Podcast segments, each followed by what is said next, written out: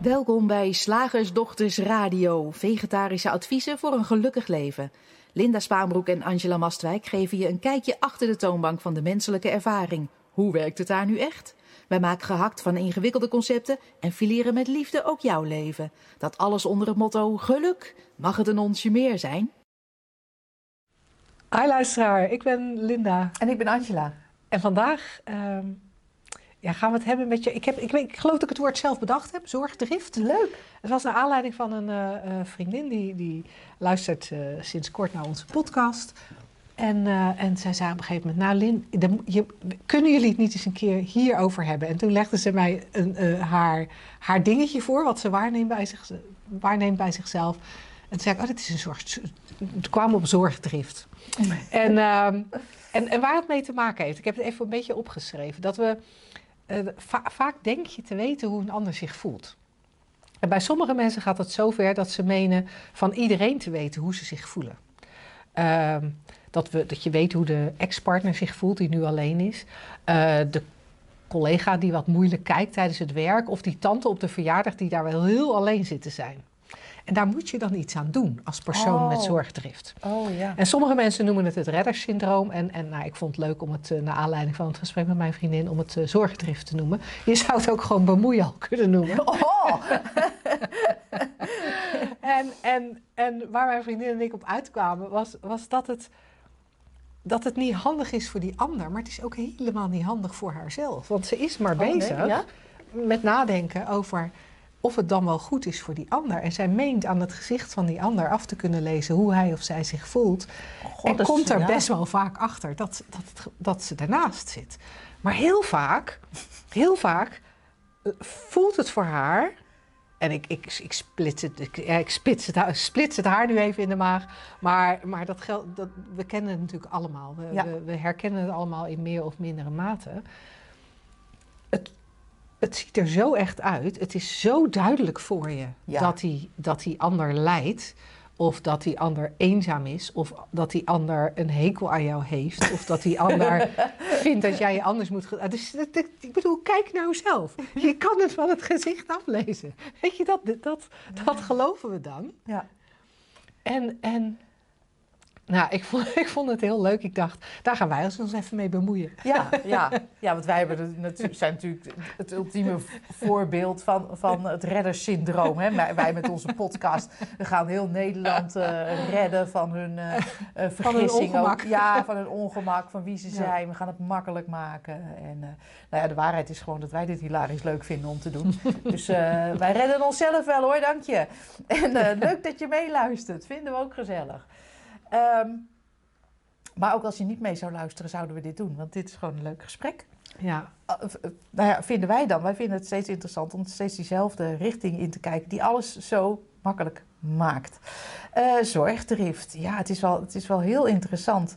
Ehm, ik, ik, ik, ik, wil weer gelijk heel kort door de bocht. Help jij mij even? Ga, neem jij wat, ik, wat, ik, wat ik leuk vind, om, om, om nog even dieper in te gaan op waar ik daar net eigenlijk ook naar wees, dat, dat, dat idee van, even of het, nou, of het nou het idee is van zorgen voor iemand, hè, Mhm. dus zorgen dat iedereen het naar zijn zin heeft. Ja. Ehm, maar waar, waar ik, daar zitten twee aspecten in. Het ene is, het is eigenlijk helemaal niet zo erg als iemand het even niet naar zijn zin heeft, als je weet wat, waar die ervaring uit voortkomt. Dus dat is één aspect om naar te kijken. Het andere aspect wat ik interessant vind om naar te kijken, is het feit dat we er zo onwijs van overtuigd zijn dat wat wij waarnemen waar is. En als we dan een beetje ouder geworden zijn en een beetje volwassen, dan, dan willen we dat best nog wel checken. Goh, ik, ik zie dat je een beetje verdrietig kijkt. Ehm, Nee hoor, dat hoofd heb ik altijd zo. en dan, dan willen we dat nog wel eens checken. Maar heel vaak, heel vaak gebeurt er al van alles bij ons voordat we het überhaupt gecheckt hebben bij die ander. Ja. En, ehm, en, en, en dan met name bij personen die we goed menen te kennen, denk ik. Eh, of bij personen die bepaald gedrag hebben dat misschien ergens een beetje een eh, oud allergietje triggert of zo. Ehm, maar maar weet je, het, het, het, ik, ik noemde dat voorbeeld van zo'n collega, waar je dan, daar zit je dan eh, eh, nou ja, eh, al jaren tegenover aan een bureau. Mhm. Dus je bent gewend aan een bepaalde gezichtsuitdrukking, je bent gewend aan bepaald gedrag. En op het moment dat daar dan, want dat is al vaker voorgekomen, zo'n wenkbrauw opgetrokken wordt als jij met een klant aan de telefoon zit. En die wenkbrauw wordt opgetrokken op een manier waarvan jij weet, oh die gaat straks lopen zeiken dat ik, dat ik meer had moeten verkopen dan ik nu heb gedaan. Dan, Dit heeft niet zoveel met zorgdrift te Oh, maken. nee. Dus laat hem maar even gewoon zielig kijken. Dus ze, ze Ja. kijkt heel oh, Die zielig. maakt zich weer zorgen over haar moeder. Ja, ze kijkt zielig. Die maakt zich voor zorgen over haar moeder. Want daar heeft ze me al best wel veel over verteld. Ja, die is dement.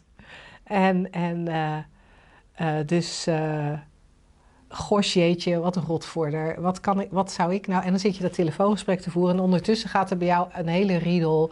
wat kan ik nou doen om er te helpen? Want ik merk ook dat er werk er een beetje onder leidt. En als het op deze manier doorgaat... weet ik niet of ze wel een goede beoordeling krijgt. En dat zou toch balen zijn, want het is een leuke collega. Het zou toch jammer zijn als ze ontslagen wordt, ook onterecht. Want ze, ze deed haar werk altijd heel goed... totdat de moeder onge, dement werd...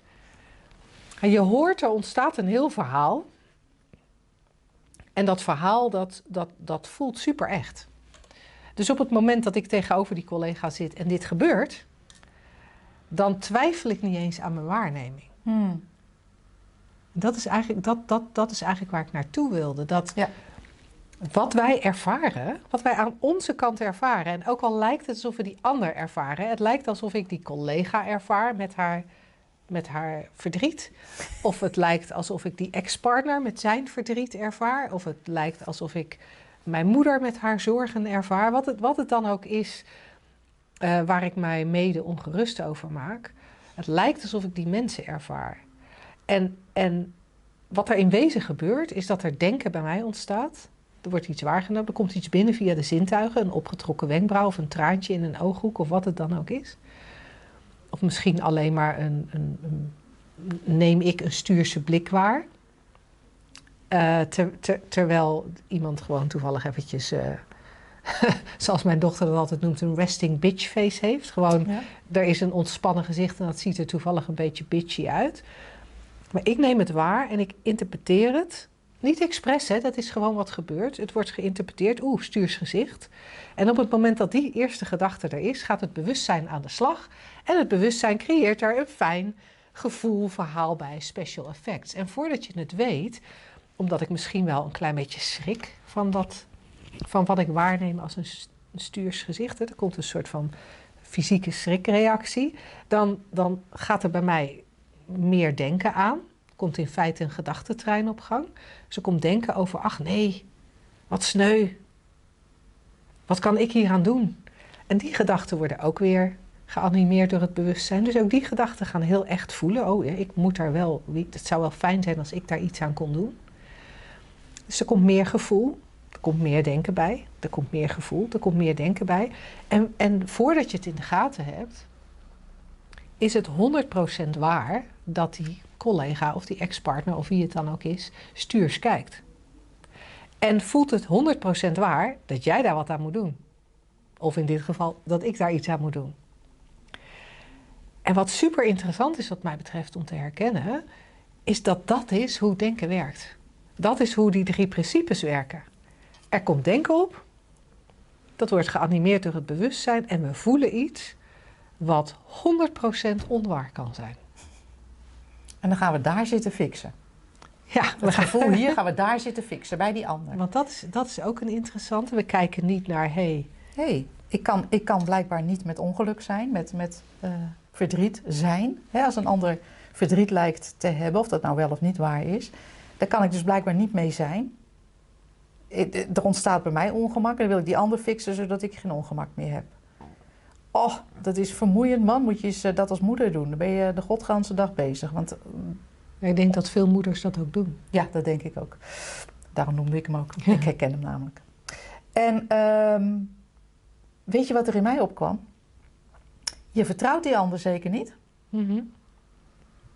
En daarvoor vind ik, kennis van die drie principes, begrip van hoe de menselijke ervaring tot stand komt en een gevoel voor wie je werkelijk bent, die ware natuur, uh, zo handig. Want als je realiseert dat je ware natuur, nou noem eens even een mooi woord, pure liefde is of welzijn, laten we het even oké noemen, oké zijn, okéheid. Heel slagersdochters, lekker nuchter, okéheid. En ehm, je weet dat van jezelf, dan kan je dat ook in die ander kennen of herkennen. En als jij in die ander iets anders ziet dan dat, natuurlijk, dat is de menselijke ervaring en daar kan je dan bij zijn. Dat is heel nuttig om erbij te zijn in, in, met alles wat je, wat je weet over die menselijke ervaring en over de ware natuur. Maar als we het daar willen gaan zitten fixen, dan vertrouw je gewoon die ander niet dat hij zijn eigen ware natuur weer terugvindt. Wat hij in wezen is.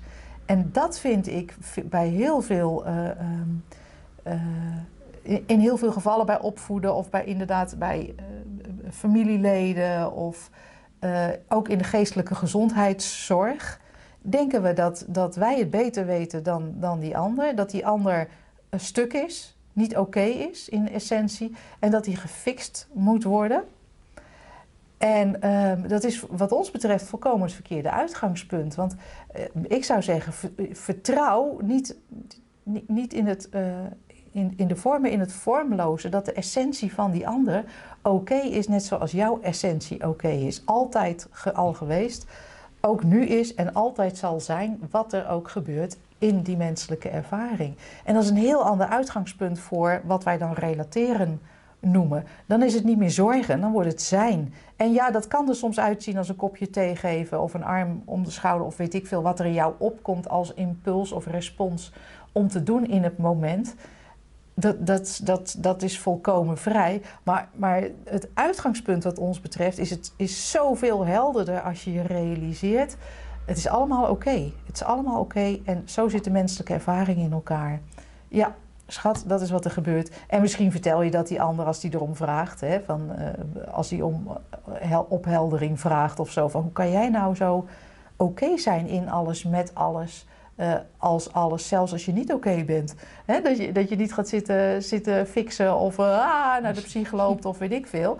Hoe kan dat? Nou, dan kan je misschien delen wat je gezien hebt over die drie principes. Dan, dan kan je gaan, gaan faciliteren. En, maar dat is niet eens altijd nodig, want we zijn dan soms geneigd als we kennis maken met die drie principes om te zeggen: Linda, mijn, mijn, moeder die lijdt. Eh, uh, hoe kan ik nou... Uh, ja, en ik zeg dan tegen haar... Oh, mama is maar gedachte. Je bent oké, maar dat werkt niet. Hoe kan ik nou... Nou, dan moet, dan moet je even bij ons de opleiding komen doen. Vertellen wij je nog steeds niet hoe. Hoewel, misschien ook wel. Maar dan, dan kan je zien dat je eigen grounding er en je eigen besef... Um, het begin en ook het einde is eigenlijk. En uh, als er om gevraagd wordt, natuurlijk kan je je inzichten hierover uh, gaan delen. Natuurlijk, dus dat staat je vrij en dat, daar, word je ook vrij in als je weet hoe het werkt en wie je bent. Maar, maar essentieeler, hè, als, je, als je niet facilitator wil worden of, of coach wil spelen of wat dan ook, is dat je het voor jezelf weet en in die ander herkent, die dat pure oké zijn. En stel dat we dat nou uh, bij, ook bij mensen die, uh, nou, bij je moeder of bij je kind, maar ook met mensen met een label, dat zouden kunnen herkennen. Misschien heeft je moeder of je kind wel een label, heb je twee vliegen in één klap. Maar dat je gewoon realiseert dat het in essentie altijd oké is. Man, dan kunnen er hele andere dingen gebeuren, weet ik echt uit ervaring. En mijn ervaring zegt natuurlijk niks, want het was ook maar gewoon een ervaring. Maar um, het, is zo'n ander uitgangspunt waarin echt de heelheid erkend en herkend wordt. Dat dat, dat dat, hoe noemde jij dat, heilzaam is. Ja, en, wat ik dan ook super interessant vind, is dat er daardoor ook zomaar dingen weg zouden kunnen vallen. Hè? Dat, dat je, waar, waar je nu misschien uh, conclusies trekt, omdat je een gezichtsuitdrukking van iemand op een bepaalde manier interpreteert, dat dat ook wegvalt. Dus dat, dat, je, uh, dat je ook minder verdriet bij anderen waarneemt. Of dat je je minder zorgen hoeft te maken over andere mensen. Ja. Als je dat helpersyndroom hebt, maak je jezelf ook wel heel belangrijk. Als ik hier niks aan doe, gaat het fout. Nou, last time I checked was ik niet het, uh, het universum. Ja, in essentie wel, maar Angela niet persoonlijk. Nee. Je maakt jezelf heel uh, belangrijk. Terwijl heelheid is gewoon eh, eh, een gegeven. Je bent al heel meester als je dat weet. Ja, dat is eigenlijk wel- nog wel leuk dat je dat zegt. Ik weet niet of we nu erg uit gaan lopen als ik hier nog even over doorga.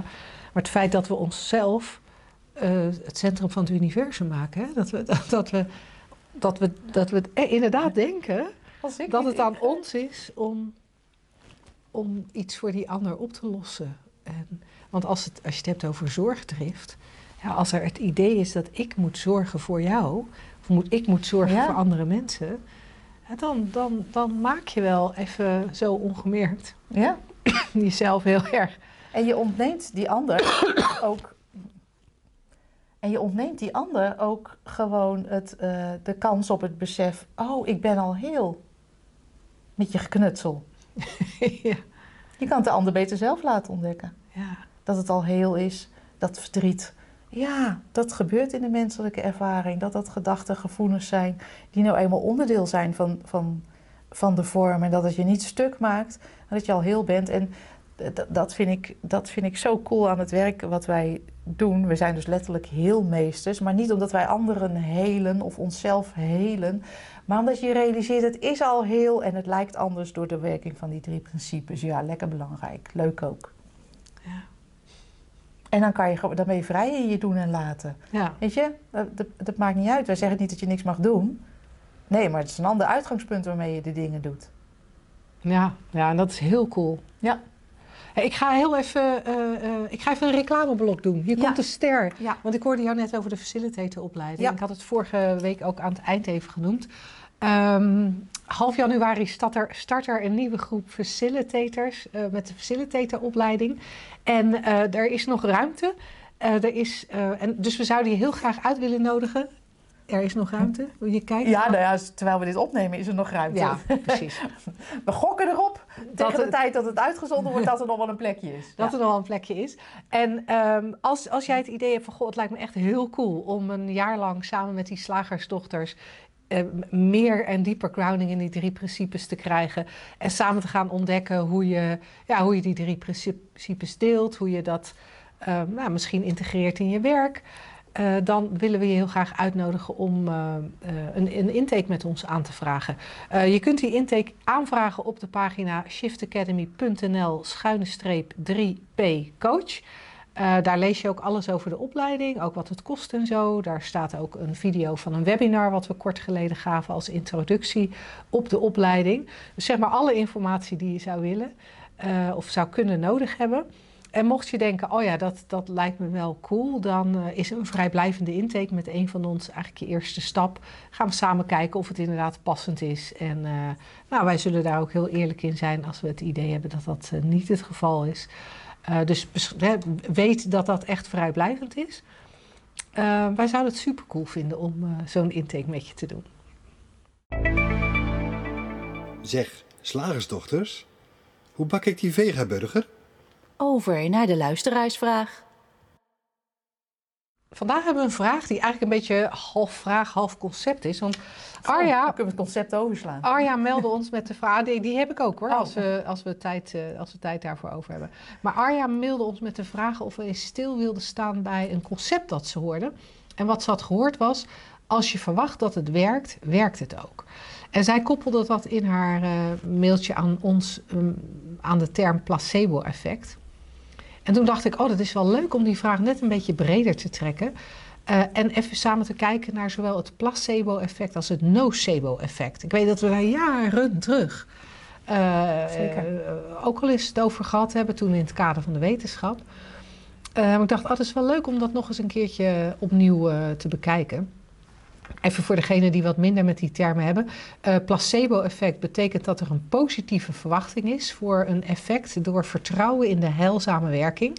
Hè, bijvoorbeeld van een medicijn, maar het kan ook zijn dat je de heilzame werking van een bepaalde omgeving of een situatie of zo eh, verwacht. En dat die positieve effect, dat die, die po- positieve verwachting dan ook blijkt te zorgen voor een, eh, een positief effect.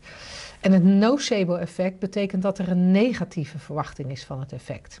En zo zijn er bijvoorbeeld rapportages van mensen die allergisch zijn voor rozen. En vervolgens een allergische reactie krijgen van een plastic roos. ja, dat is leuk hè.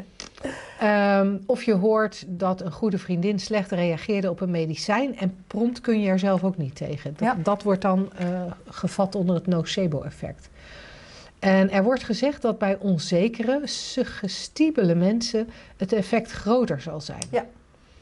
Als de negatieve verwachting maar sterk genoeg geloofd wordt, is het zelfs mogelijk dat iemand dood zal gaan Ja. door het nocebo-effect. Ja, dat hebben we destijds ook eh, toen we nog een wetenschapshoekje hadden in deze radioshow ook. eh, volgens mij heb ik dat verhaal toen verteld. Dat, dat eh, eh, er was een man en de, de diagnose was kanker, maar dat was even verwisseld met een andere patiënt. En, ehm, en nou, hij werd zieker en zieker en zieker. En toen men meldde, oh nee, we hebben een verkeerde diagnose gesteld. Toen werd hij beter. Maar de andere patiënt, eh, ehm, was het andersom of zo, weet ik veel. In ieder geval, je kan dus inderdaad doodgaan aan een idee. En dat vind ik super, nou ja, doodgaan aan een idee. Ehm, ik wou zeggen, dat is natuurlijk niet super cool. Maar wat ik wel super cool vind om te weten, tenminste, ik weet niet of doodgaan een probleem is, maar goed. Wat ik heel gaaf vind om te weten, ik vind het leuk om dat even op het persoonlijk-psychologische vlak te bekijken. Mhm. En het dan ook wel nog even door te trekken naar, naar Ja? het allesomvattende Mhm. besef van waar die drie principes naar verwijzen. Want op persoonlijk psychologisch vlak kan je zeggen, ja, inderdaad, weet je, als je gelooft dat een spin eng is, ja, dan schrik je ervan. Als je gelooft dat een pil helpt, dan werkt die ook. Ik geloof dat tegenwoordig zelfs al, al het- ze doen natuurlijk eindeloos onderzoek naar de farmaceutische industrie, dat voor bepaalde pillen het, eh, het placebo-effect 50% is. Dus ja, maakt eigenlijk niet uit wat je neemt. Maar ook, het is ook al bewezen, mensen die eh, bijvoorbeeld heroïneverslaafd zijn. En ze krijgen eh, te horen en, en afke- heel- enorme afkikverschijnsel. Dat je even je heroïne niet krijgt, dan word je echt zo ziek als een hond, is het idee. En dan krijgen ze te horen over een kwartier krijg je heroïne. Dan zijn die afkikverschijnselen al weg. Alleen bij het idee, ik ga het krijgen. Dus die, die mind, de menselijke geest, als die al bestaat, is supersterk. Die tovert tevoorschijn wat wij denken en geloven. En daar moet je een beetje mee oppassen. Ja. Want hier zit het gevaar in, als ik zeg, dat je heel erg je best gaat doen om positief te denken. Om, om eh, heel erg te geloven in een, een, een, een blauwe Ja. pil. En dan eh, Ja. van, nee, maar deze werkt tegen mijn kanker. En, en dan, alleen, ik vind het is heel subtiel, want je, je weet helemaal niet wat je gelooft. Nee, want, want ik, ik, de luisteraars hebben het ongetwijfeld gemerkt dat ik hoest. Ik heb nu al weken een hoesje. Ja. Je hoort mij dus ook al radio-uitzendingen lang hoesten. Ja. En eh, ja, dan zouden we daarvan kunnen denken, ja Linda, dan denk je dus verkeerd. Als Ja. je nou maar goed denkt, als je nou maar gewoon gelooft dat die hoest Ja. weg is of nergens voor nodig is. Of ik weet niet precies wat je dan zou moeten denken. Ja. Eh, of als ik nou maar voldoende geloof dat deze thee, die trouwens op is, ehm, dat deze thee die ik nu bij ga schenken, dat die ervoor zorgt dat mijn hoesje weggaat. Voor Ja. altijd. Hè, dan, dan, dan, ja, dus, dan zal dat zo zijn. ja, dus dat ik nu een hoesje heb, dat is dus eigen schuld dikke bult. Oh, Dat is een beetje het nadeel als we het Ja. gaan hebben over placebo en nocebo. Daar willen we dus niet heen. Want dan ga je jezelf persoonlijk verantwoordelijk maken voor de gedachten die je hebt en de dingen die je gelooft. En dat zijn we gewoon niet. Je kan er niet, ni- niks aan doen wat je, wat je bent gaan geloven. Je kan er wel naar kijken of het zo is en hoe het werkt. En het, en het onpersoonlijk maken en het eh, volkomen neutraal maken. Van blijkbaar, ik zeg altijd, blijkbaar geloof ik in zwaartekracht, want ik blijf nog steeds plakken aan Ja. de aarde. Ik ben nog nooit weggezwoven. Eh, blijkbaar geloof ik in eten, want als ik eh, een periode toevallig wat minder eet, dan eh, zitten mijn broeken losser. Ja. ja, en ik geloof blijkbaar in, in virussen waar je ziek van wordt. Ja, nou inderdaad. Mijn eigen mentor zei ook altijd van, over griep. Ja, maar, oh, en over, met name over besmettelijkheid. Ja, maar dat is gewoon een diep geworteld geloof. Dat zijn we allemaal gaan gaan. Oh ja, de, oh er in de maand. Hup, dan lopen we allemaal te snuffelen. Maar het is gewoon maar geloof. dat, dat zei zij. En dat vond ik, dat vond ik heel grappig. Want ergens concludeerde ik vervolgens van... Oh, maar dan ben je dus overal immuun voor. Dat is ook niet waar, hè? Maar blijkbaar was dat, de, deze, was dat een conclusie die in mijn plaatsvond. En eh, tot nu toe lijkt het... Het lijkt ook waar te zijn dat ik gewoon Ja. overal immuun voor ben. Maar eh, het lijkt waar te zijn. En wat Linda zegt, vind ik heel belangrijk. Dat je dit niet, dat je placebo en nocebo effect, dat je er nieuwsgierig naar wordt, interesse in hebt. Werkt het zo op persoonlijk psychologisch vlak? Maar niet je best gaan zitten te doen om iets om, om ergens in te gaan zitten geloven of ergens niet meer in te geloven. Want zo werkt het gewoon niet. Hè? De mens, ik moet dan denken aan een uitspraak van, ik weet niet, een of andere Griekse wijsgeer. Dat, die gaat eigenlijk over vrije wil, maar ik ga hem nu uh, parafraseren op zijn slagersdochters. Uh, die zegt, uh, je kan, de mens kan ehm, doen wat hij wil, maar niet willen wat hij wil. Ha, daar ga je. Ehm, en ik zeg, de mens kan geloven wat hij wil, maar je hebt niet de vrije wil om. Uh, ik zeg hem verkeerd. Maakt niet uit. Je kan niet zomaar geloven wat je wil. Daar ga je helemaal niet, niet over. Dan kan je eindeloos je best doen met mantra's en, en weet ik veel. Het lijkt me veel, veel fundamenteler om te kijken naar hoe elke menselijke ervaring, of dat nou een kuchje is of een, of, uh, een benauwdheid of een wat dan ook, hoe die tot stand komt. Zou het zo kunnen zijn dat elke ervaring bestaat uit denken in bewustzijn. Want hoe weet je anders dat je benauwd bent? Wie weet dat? Een gekke vraag misschien. Maar ehm, wel fundamenteel wat ons betreft. Want dan kan je ook de vloeibaarheid gaan herkennen van de menselijke ervaring. En dan kan het zomaar zijn, want dat, nou ja, dat heb jij zelf natuurlijk meegemaakt, Linda, toen jouw uh, 25 jaar uh, chronische pijn ineens wegviel door een inzicht, een mm. voor, voor jou betekenisvol persoonlijk inzicht in de werking van gedachten, dan kan het zomaar wegvallen. Alleen, dan kan Linda zeggen, nou, ik zag dat ik heel veel aandacht besteedde aan een bepaald soort gedachte, dat ik daar de hele dag de focus op had en ook heel erg geloofde in het fysieke. En dat kan jij horen en, en het kan niks voor je doen. Dus het is wat ons betreft veel belangrijker dat je naar binnen kijkt en gewoon simpelweg naar, die mensen, naar het mechanisme kijkt. Ja, en, en wat ik zelf super interessant vind, is dat het met die chronische pijn ja. dus zo gewerkt heeft. Ja. En dan zou je denken, nou ja, het hebben van griep of, of, of ja. een kuchje, eigenlijk hetzelfde. Ja. maar dat, daar, lijkt dat, dat, daar lijkt datzelfde inzicht of diezelfde woorden lijken daar niet lijken daar niet een effect te hebben. En dat, en dat, en dat vind ik ook, dat, dat toont voor mij ook zo cool. Ja. Dat het niet, dat er niet zo'n zo'n direct verband tussen zit. Dat het, niet iets, dat het niet iets is wat je kan sturen. Je kan het niet toepassen, kennis van die drie principes. Maar het kan wel grote implicaties hebben. En ik vind het persoonlijk, vind ik het altijd heel vriendelijk om me gewoon te, voor mezelf. ik, ben graag, ik ben graag lief voor mezelf. Wie is dan lief voor wat? Dat is een lekkere schizofrene opmerking, maar dat maakt niet uit. Ik vind het persoonlijk heel vriendelijk om, om dan vast te stellen voor mezelf. Nou, kennelijk geloof ik nog in besmettelijkheid. Nou en? Nou en? Kennelijk geloof ik in hoofdpijnpillen. Nou en? Kennelijk geloof ik in dat het ene soort voedsel gezond is en het andere niet. Ja, nou, en, en, en, en, dat, vind ik, dat vind ik heel cool dat je dat zegt. Omdat dat nou en, die, die wil nog wel eens lastig zijn. Voor jou niet, blijkbaar. Maar ik zie, ik, ik merk het nu zelf ook, hè, nu ik dus echt al te lang in mijn ogen. Ik heb een oordeel over hoe lang ik dit, dit, dit kuchje al heb. Uh, terwijl natuurlijk, het is allemaal helemaal niet uh, dramatisch of zo. Het is niet alsof ik doodziek aan, uh, aan, de, aan een ventilator in een of ander ziekenhuis lig. Um, maar toch is er ergens, ergens het idee van... ja, weet je, daar, daar moet je toch wel met een dag of veertien vanaf zijn. Ja. En, en dan gewoon weer normaal doen, zeg maar.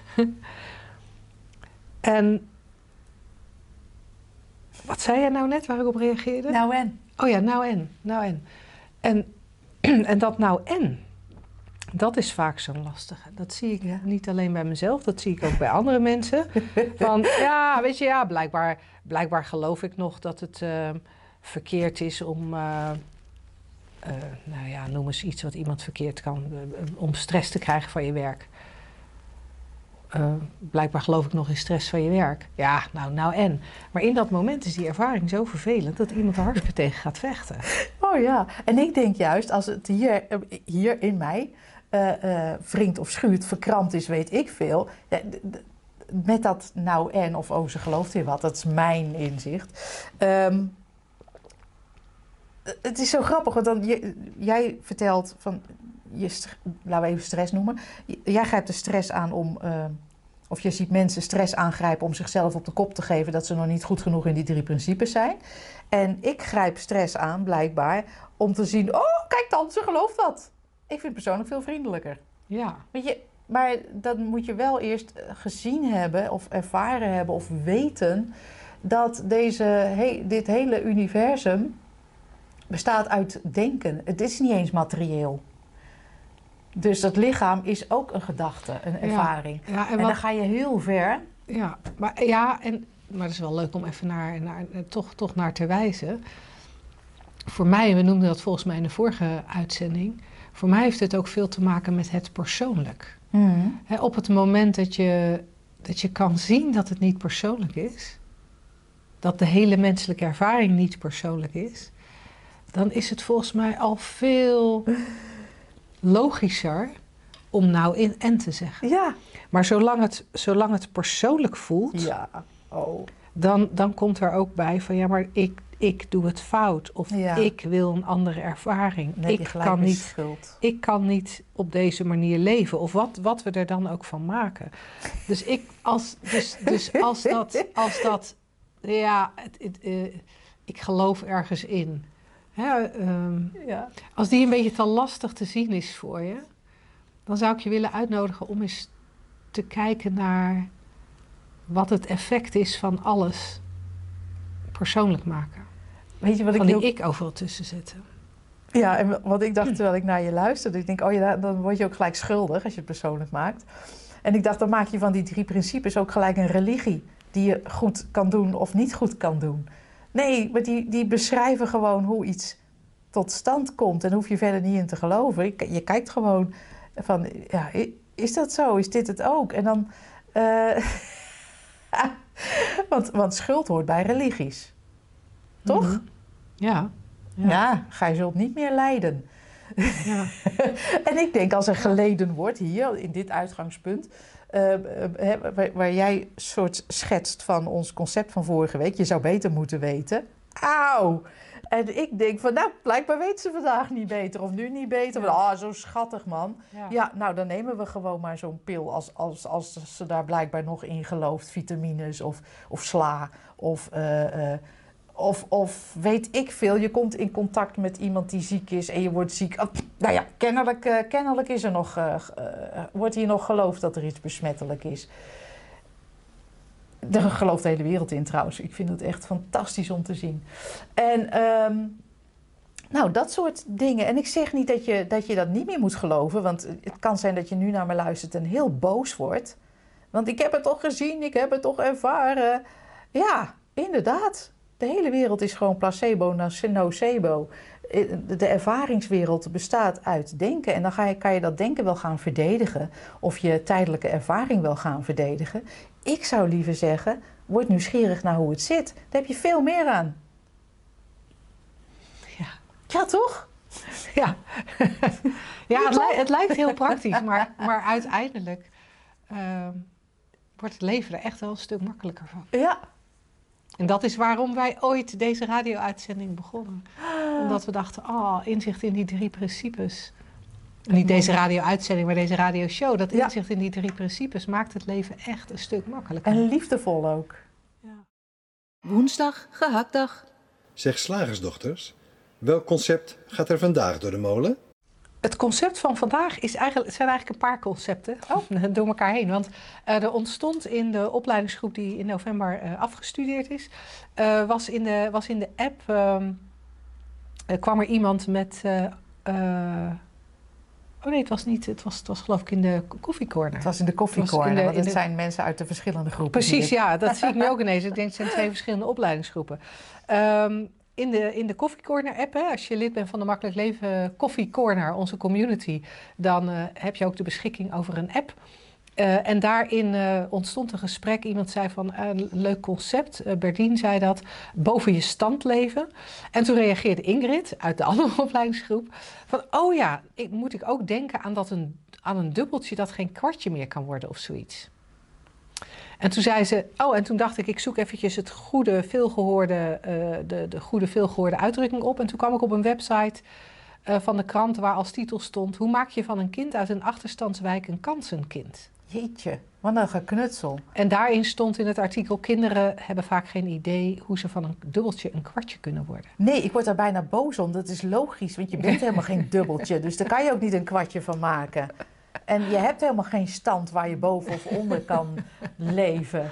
En, en uh, uh, nou ja, zo. Zo, nou, jullie, dit, ik bedoel, dit maak je niet vaak mee, hè? Angela Nee. die verontwaardigd raakt. Ja. Ze gelooft even heel erg. Dat mensen moeten weten dat het flauwekul is wat ze roepen. Nee hoor. Nee. Maar het is wel ja, dus boven je, boven je stand leven versus eh, van, van eh, een dubbeltje kan geen kwartje worden. Ik denk eigenlijk dat je het al, dat je het al, al met je inleiding eigenlijk allemaal al gezegd hebt. Oh, sorry. Nou, dat geeft niet. Dat is wel lekker, dat is wel lekker effectief. En dan wordt deze radio-uitzending ook niet te lang. We hebben volgens mij al lang genoeg gekletst. Ehm, maar om, om in zoiets mee te gaan, moet, moet je eens kijken wat je allemaal moet geloven. Ja. Je, je eh, boven je stand leven, dan, dan moet er zoiets als een stand zijn. Ik weet niet precies wat dat dan is, maar ik kan me zo voorstellen dat als we het hebben over stand, dat we dan moeten geloven in, nou, in hoog en laag qua stand. Waarschijnlijk moeten we dan geloven in veel geld en weinig geld. We moeten Mhm. waarschijnlijk geloven in niet meer uitgeven dan je aan geld hebt. Mhm. Uh, maar persoonlijk weet ik dat dat zeer dubieus is. Ik heb, ik heb een, een, een vriend die echt een heel ander idee heeft over geld uitgeven dan ik. Dus wij kunnen soms naar elkaar kijken van... Interesting. Interesting hoe jij met geld omgaat. En, en het een is niet beter dan het ander. Nee, maar dan denk ik van ja, je, ik geloof blijkbaar iets anders dan hij. Uh, er is voor hem geen enkel probleem met, met zijn geloof en de manier waarop hij met mij met geld omgaat. Er is voor mij geen enkel probleem met de manier waarop ik met geld omga en, en wat ik daarin geloof. Maar elkaars geloof vinden we wel een beetje. d- d- d- vinden we last, nou ja, lastig te begrijpen, maar dat je naar elkaar kijkt en denkt. Eh, Nou ja, interesting, wat je Dat zegt. kan ook. Denk dat ik kan dan ook altijd. echt heel anders dan ik het doe. Oh, dat kan ook, ja. En, eh, maar, maar, maar dus da- daar moet je dingen in geloven. Je moet dingen geloven in, in het nut van sparen of niet. Eh, je, je, je moet geloven in, de, in, in het feit dat geld ook daadwerkelijk iets is. Het is echt ongelooflijk hoeveel je moet geloven. Om überhaupt zo'n ding als boven je stand leven, eh, om, om daar iets mee te kunnen. En daar dan ook nog een soort waarheid in te zien en daar dan dat, dat, dat, dat ook nog te gaan verdedigen. Hetzelfde met van een dubbeltje een kwartje worden. Moet je ook heel veel voor geloven. Dan moet je dus geloven dat er verschil is tussen mensen. Die, waar je ook nog een waarde aan kan ophangen. Mhm. Ja, ik zie best wel dat er verschil is tussen jou en mij. Maar Ja. in ieder geval qua fysiek en soms qua gedrag en waar we wonen. En, we, kunnen we kunnen andere verhalen over ons verleden ophangen. We kunnen ook veel dezelfde verhalen over ons Ja. verleden ophangen. Maar ook veel verschillende verhalen. En als we alleen al nu kijken naar waar jij woont en hoe jij woont. En, eh, dat is anders. Daar zitten Ja. verschillen tussen. Maar ik zou daar niet een waarde aan durven hangen. Ik zou Nee. niet durven zeggen dat van jou is een dubbeltje en van mij is een kwartje of andersom. Het is gewoon een andere ervaring. Dus, dus om überhaupt al waarden, Ja. financiële waarden, dat is zo gek. En ook om het vast te leggen bijvoorbeeld van, nou ja, als je dan dit hebt gedaan, hè, dus bijvoorbeeld een lage opleiding of een achterstandswijk, wat dat dan ook weer mag zijn, dan, dan ga je ervan uit dat de mens een robot is. Nou, last time I checked zijn we echt enorm vloeibare ervaringen in een enorm geheel. En, ja, en, en dan zeggen we, ja maar, ja, maar er zijn uitzonderingen op de regel. Nee, er is gewoon geen regel. Want dat is denk ik interessant om, om hier even te vermalen. In ieder geval, ik vind het interessant om het te vermalen. Het feit dat we, dat, dat we, dat we roepen dingen naar elkaar, concepten. Ja. Eh, eh, achterstandswijk, Ja. kansarme kinderen. Ja. En daar hebben we dan acuut een beeld bij. Mhm. En dat, en dat, dat beeld is ook vrij onwrikbaar. Ja. En, en, en er, zit, er zit van, wat ik net al probeerde aan te tonen, er zit van alles aan geloof achter. Waardoor, als je dat een kind. Ik bedoel, een, een- een- ik ben ooit geboren in een wijk waarvan je nu zou zeggen. Nou, die heeft het niet heel erg getroffen. Het kon slechter in Den Haag, maar het was echt niet, het was echt niet de beste wijk. Ik wist dat helemaal niet. Nee joh. Niemand had mij dat verteld. Nee, dus, dus wat maakt dat uit? Ik vind het ook zo grappig. Dan zijn er zogenaamde uitzonderingen. Hè? Kinderen die vanuit een positie van nou echt school niet afgemaakt. En dan toch nog diploma's gaan halen. En, en joh, dan zie je op LinkedIn bejubeld. Oh, kijk eens waar ik vandaan kom. Wat inspirerend. Ik denk, wat een gelul. Weet je, als je ziet dat, dat je geboren wordt als pure potentie. Iedereen, altijd, daar zit je inspiratie. Daar heb je geen ander voor nodig, want daar kan je toch niet aan voldoen. Of je weet helemaal niet hoe dat van binnen beleefd wordt. Zit er, staat er iemand juichend op, op LinkedIn met eh, eh, eh, een miljoen omzet, maar voelt zich doodongelukkig omdat ze twee kilo te veel Ja. weegt? Ja, weet ik veel, ik noem maar wat hoor. Ja, nou ja, maar wij zien dat natuurlijk ook veel in ons werk. Dat mensen bij ons komen met enorme stress of, of, of heel heftige angststoornis. Maar op LinkedIn ziet het er wel goed uit. Ja. Dus je kan dat ook helemaal Je- niet inschatten. Je kan dat ook helemaal niet inschatten. En we gaan er dan ook vanuit dat uiterlijke omstandigheden überhaupt eh, eh, iets, iets, iets doen. Nee, er is gewoon een ervaring. En ik vind het heel mooi wat jij zegt: van ik werd geboren in een, nou, sowieso wijk. Eh, maar dat wist ik niet. Dat wist ik niet. Nee, wij weten eigenlijk helemaal niks. Het is grappig, want ik, waar ik werd geboren was ooit een hele chique wijk. Toen werd het echt helemaal verpauperd. Nu is het weer super hip. Ja, het is echt super grappig. Dus dan kan ik zeggen, waar kom je vandaan? Eh, eh, oh, Lombok, Utrecht. En heeft ieder van zijn eigen tijdperk daar een eigen beeld bij. Ja. Het zegt gewoon helemaal niets. Niets zegt iets. En wat zegt nou alles? Het feit dat we in elk moment denken beleven. Dat onze hele wereld daaruit bestaat. En dat je in essentie een vloeibare beweging daarin bent. En dus niet gehouden bent aan ik ben eh, dit, dus dat. Je bent geen robot. Zo. Nee, en al die dingen, al die dingen die we zeggen als, dan, Dan, Hè, als je met een andere taal thuis opgevoed bent, dan heb je automatisch een achterstand, om maar wat te noemen. ja. Al die, al die als dan, die lijken logisch, maar ze zijn niet waar. Ze kunnen gewoon niet waar zijn, omdat elke menselijke ervaring, in, in, in, in elk moment is er, die, is er weer die potentie, niet alleen de potentie, maar is er weer dat nieuwe denken in bewustzijn. Dus elk moment staat totaal los van het vorige. Ja. En dat herkennen we niet, hè? Nee joh. Want we, want we, we zijn heel erg gewend aan dat, in dat als-dan Ja. denken. We zijn heel erg gewend oh. om overal maar verbanden tussen te zien en te vinden. En hou vast in te vinden. Maar het is er niet. En dat is zo interessant om daar eens naar te kijken. Om eens te kijken naar al die momenten, al die voorvallen, al die constateringen waarin het niet klopte. waarin dat als dan echt onzin bleek. Ehm, want, want we zoeken vaak de bevestiging. Ja, tuurlijk. Nee, maar zie toch? Ja. Maar zoek nou, zoek nou eens de bevestiging van dat het niet waar is. Dat is ook dat, dat is heel bevrijdend. Want dat kan je zo de opening geven naar. Oh, elke keer, elke keer dat er in mij opkomt. een- Zo'n als dan in mij opkomt. Dan weet ik dat het, dat het nergens. Ik weet dat het niet waar is. Nooit. Niks. En dat geeft superveel vrijheid. Zo. Tot volgende week. Toch?